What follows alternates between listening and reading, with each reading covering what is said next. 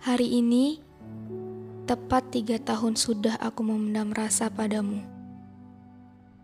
Orang bilang, ku adalah seorang pengecut. Padahal menurutku, aku sudah menjadi pemberani. Pemberani karena sudah mengambil dan berdiri di pilihanku sendiri. Walaupun kuakui, rasanya sangat mengganjal rasanya sangat sakit. Tapi, mau gimana lagi? Aku pun kurang paham. Apakah ini menjadi kebahagiaan atau kesedihan? Karena rasanya kita dekat, tapi tidak pernah merekat.